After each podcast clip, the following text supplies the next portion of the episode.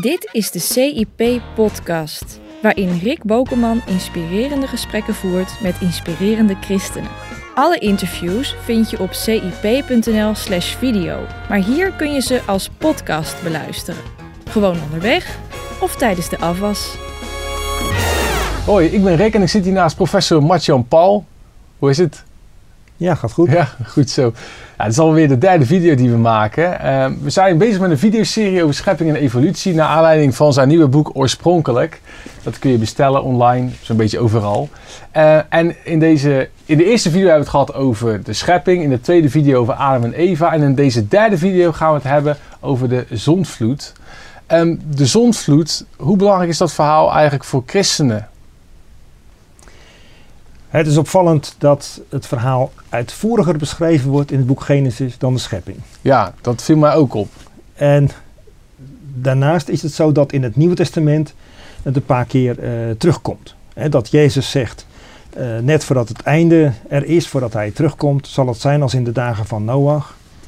En ook uh, Petrus gaat er bijvoorbeeld op in. Dus het is wel een verhaal wat, wat aangeeft hoe ontzettend serieus God uh, de zonde neemt. En dat hij dus zelfs uh, ja, de schepping bijna weer kan ontscheppen. Hè? Dus, dus bijna ja. weer terug kan brengen tot die, tot die, tot die staat van uh, woestheid en, en leegheid.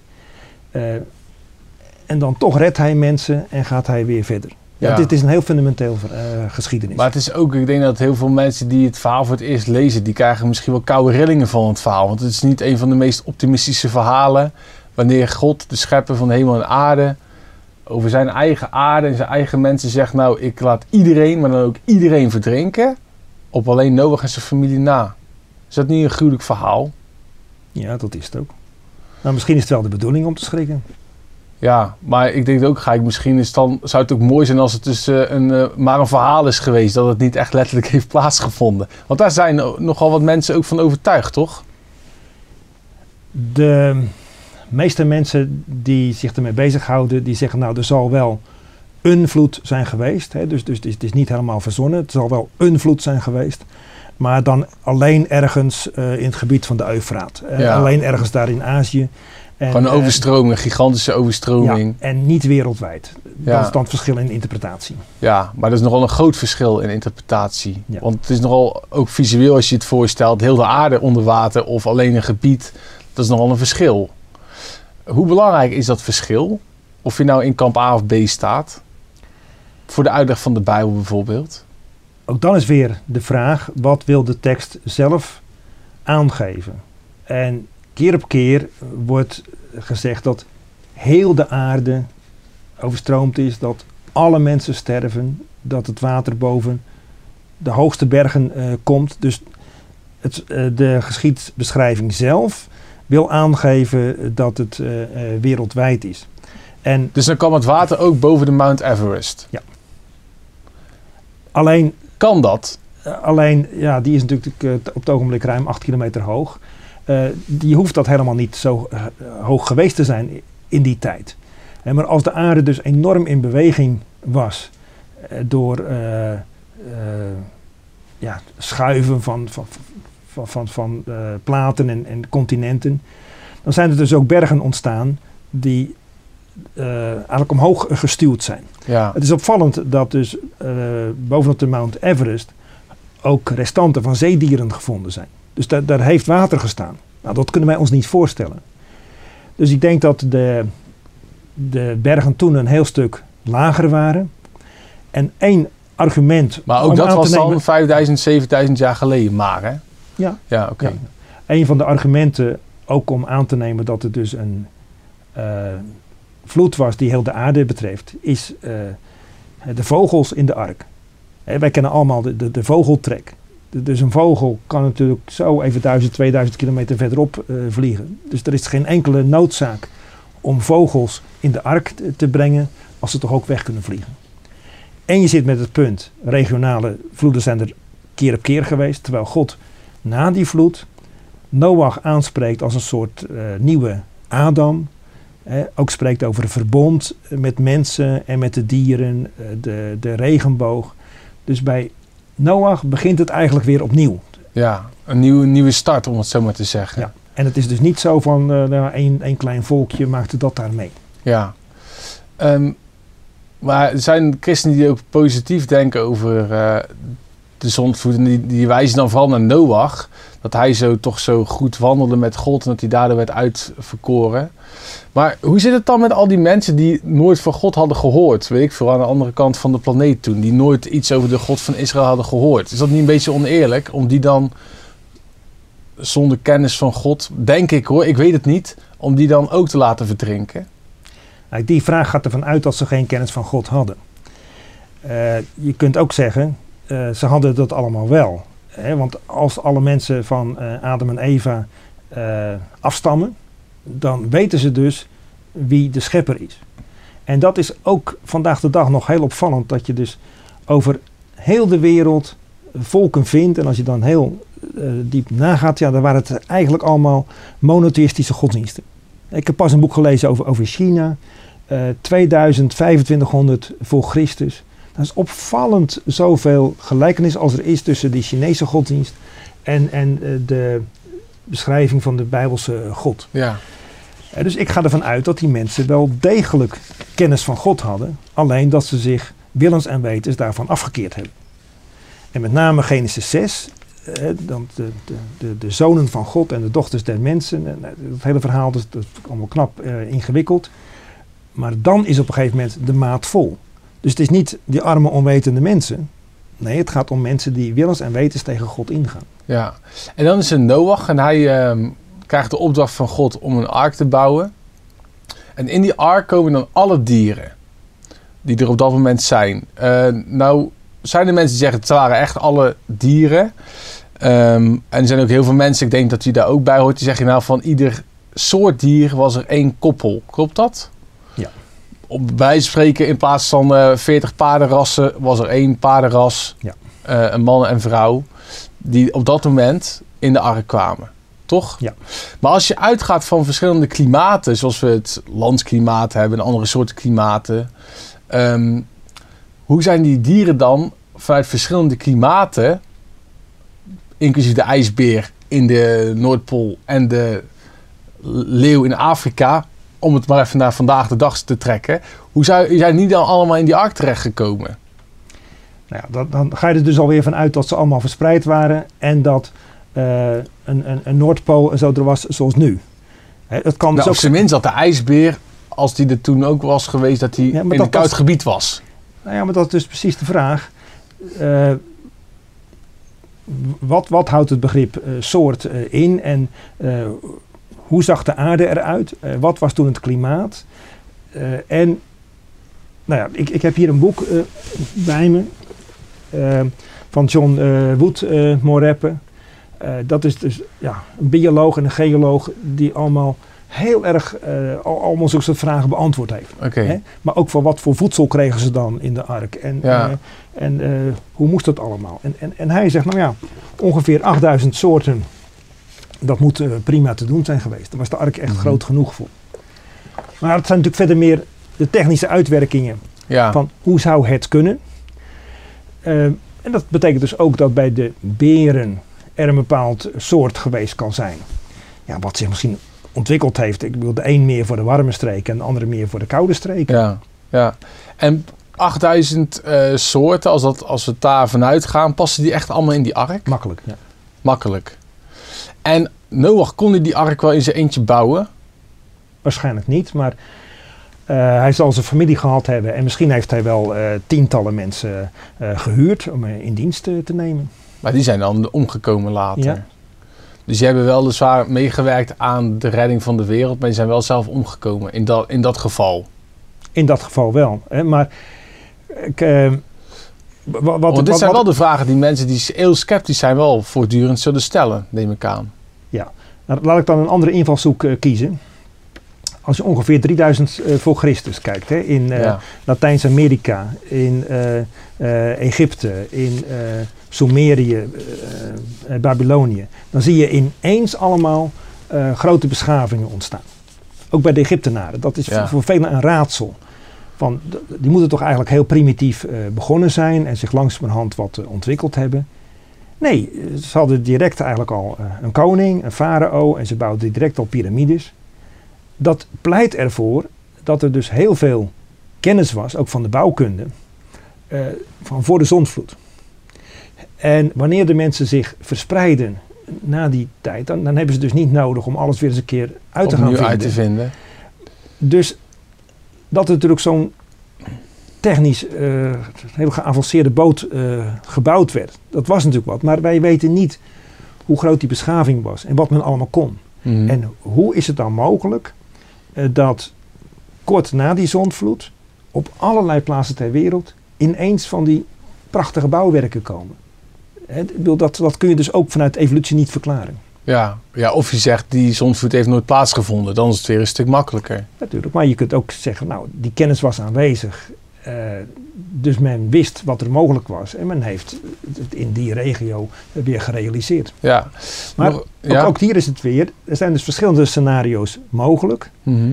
En wat ik in mijn boek ook benadruk, dit gaat om geschiedenis, om oorsprongswetenschap. En dan zijn er dus allerlei theorieën, hypothesen die je naast elkaar kunt zetten. ja.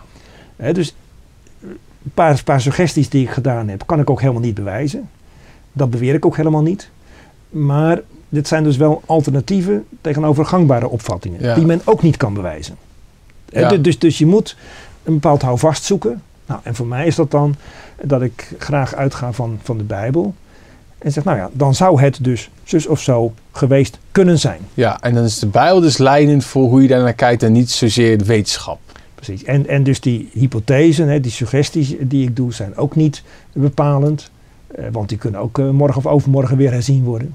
Ja, oké. Maar ik geef gewoon wel al aan dat er in de wetenschap dus alternatieven mogelijk zijn. Ja, en nog even een sponsje voor de zondvloed. Toen had je al de dieren en creationisten, ehm, waaronder u zelf, die zijn van mening dat voor de zondeval, dus dat is ook nog voor de zondvloed dus, dat de dieren toen allemaal vegetarisch waren. Klopt dat? Ja. Ehm, nou, ik weet niet of u als Jurassic Park hebt gezien, die film. Eh, al die grote dino's die wij dus nu zien in de musea, weet je wel, van die grote skeletten. Die waren dus allemaal vroeger, misschien hun voorouders ook, waren allemaal vegetarisch.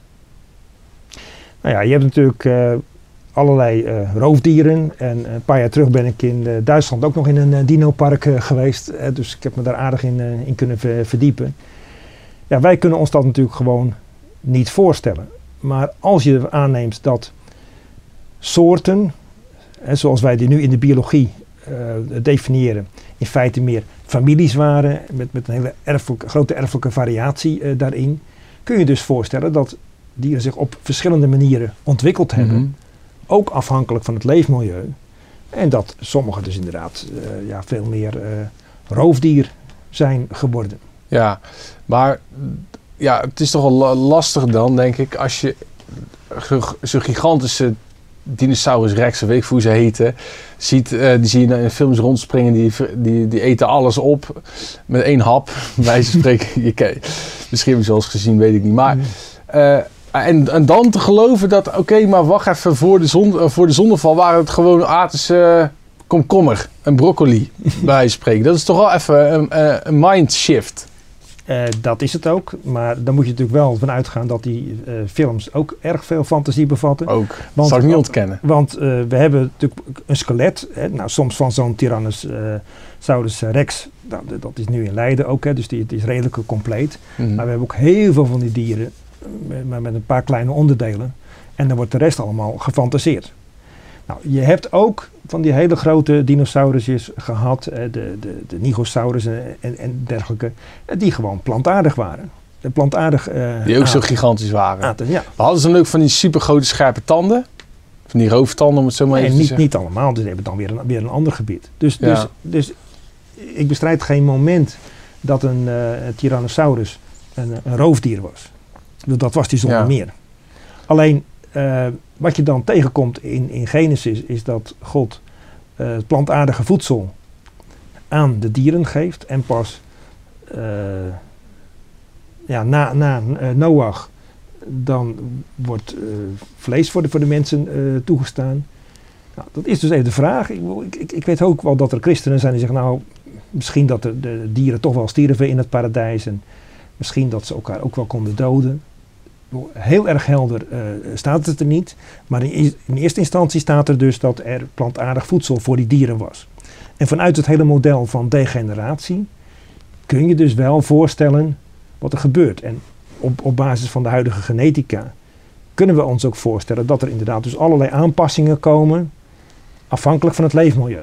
Ja. Maar goed, dat is een suggestie. Ja, want dat is natuurlijk het argument, want voor de zonneval was er nog geen dood volgens creationisten. En dus konden die, ook die dieren elkaar niet opeten. Dus moesten ze wel plantaardig. Maar ik stel deze vraag ook in de context van Noach. Omdat dat betekent dat als ze toen al vlees aten in de tijd van Noach, na de zonneval. Dan moet Noach ze ook gewoon dieren hebben gevoed. Wat weer extra lastig wordt. Want als je van ieder dier één koppel meeneemt en je geeft een, een, leeuw een zebra, dan heb je dus geen mannetje zebra of geen vrouwtje zebra meer. Ja. Ja, ik ben misschien, ga ik te ver, maar dat is toch wat, ook, wat ik dan even zelf zo bedenk. Ja. Ja, laat, laat, ik, laat ik even nog één, één sprong maken naar uh, het boek uh, Jezaja. Voor, voor, voor de, de, de, dieren zoals die in vrede met elkaar omgaan. Of, of weer dat straks? Uh, ja, nee, daar wil ik juist ook ja, naartoe. Nee, nee, best. Nou, kijk, in Jezaja 11, hè, daar wordt ook gezegd dat een leeuw en een koe en een berin en allemaal in vrede met elkaar omgaan. En ook dat een, uh, een jochie gewoon zijn hand kan steken in het hol van, van een slang. En in Jesaja 65 staat weer iets dergelijks. Nou, dat is dus ook één argument. Je zegt, ja, als God het straks zo gaat maken, dan zal het in het begin ook zo wel geweest zijn. Dus even jouw hele argument van, nou, uh, in films zien we toch dat en dat. Ja, maar blijkbaar is het Gods bedoeling om het toch weer een keertje anders te maken. En hoe maakt hij dan die aanpassing? Ja, om het om te keren. dan zeggen natuurlijk ook wel, wel, wel anderen van ja, maar goed, dat is alleen maar toekomstvisioen en dat, uh, dat, dat, wordt dan allemaal erg mooi. Maar in Jesaja 65 wordt ook de slang genoemd. Dus naar mijn overtuiging is het wel degelijk een toespeling op Genesis 3, hè, waar die mhm. slang een rol heeft gespeeld. En, is het volgende, hoe is nou het karakter van God? Denk je nou dat hij dat allemaal prima vindt? Al dat dood, verderven, dat opeten, recht van de sterkste, evolutie. Uh, maar straks zegt hij nou nee, nee, dat is allemaal toch eigenlijk uh, niet goed en ik ga allemaal vrede geven. De klassieke christelijke opvatting is, het was eerst zo goed, er is een heleboel bederf gekomen mm door de zonde Dood. en straks gaat God het weer herstellen. En natuurlijk hebben we dan hele praktische vragen, ook biologisch, ook in de ark. Nou, die, die, die die ik net noemde, die geeft daar ook wat uh, suggesties voor. Er zijn een heleboel uh, vleesetende dieren die ook plantaardig uh, kunnen hebben. Hij heeft ook de mogelijkheid van een winterslaap en, en noem alles maar op. Hij, hij, behandelt allerlei suggesties van, van hoe je dit probleem op zou kunnen lossen. Maar ik snap het probleem wel. Ja, oké. En tot slot, wat leren we eigenlijk van de zondvloed als het gaat over de persoon van Jezus? Uh, je begon met te zeggen dat het natuurlijk allemaal nogal uh, breed is en uh, ja. gewelddadig. En, en, wat is dan ons beeld van God? Dat is aan de ene kant God die streng is, die de zonde straft. Maar blijkbaar is het niet finaal afgelopen, wordt er toch weer een gezin gered. En dan zegt God ook dat ja, hij inziet dat het hart van de mens niet veranderd is. Dat dat toch altijd wel weer verkeerde dingen blijft uh, produceren. En dan zendt hij later Jezus. Eh, niet om iedereen steeds maar te straffen vanwege het verkeerde, maar ook te zeggen: geloof in Hem, opdat je behouden zult worden. En dan wordt ook in het Nieuwe Testament vergeleken, hè, zoals uh, Noach en de zijnen gered werden door de ark. Zo kun je door het geloof in Jezus uh, gered worden en behouden worden. Dus de toren van God, de, ja, de strengheid, dat ligt ons over het algemeen niet zo, maar dat is de achtergrond, juist van zijn genade en zijn liefde en van de boodschap van het evangelie. Nou, dat is een mooi slot van deze video. Dankjewel. Nou, dat was uh, professor Martian Paul over uh, de zonvloed. en uh, in de volgende video gaan we weer andere onderwerpen behandelen. Tot dan. Doei! Je luisterde naar de CIP-podcast. Heb je wat gehad aan deze podcast? Laat dan een recensie achter in iTunes of steun CIP.nl door CIP Plus lid te worden op onze website.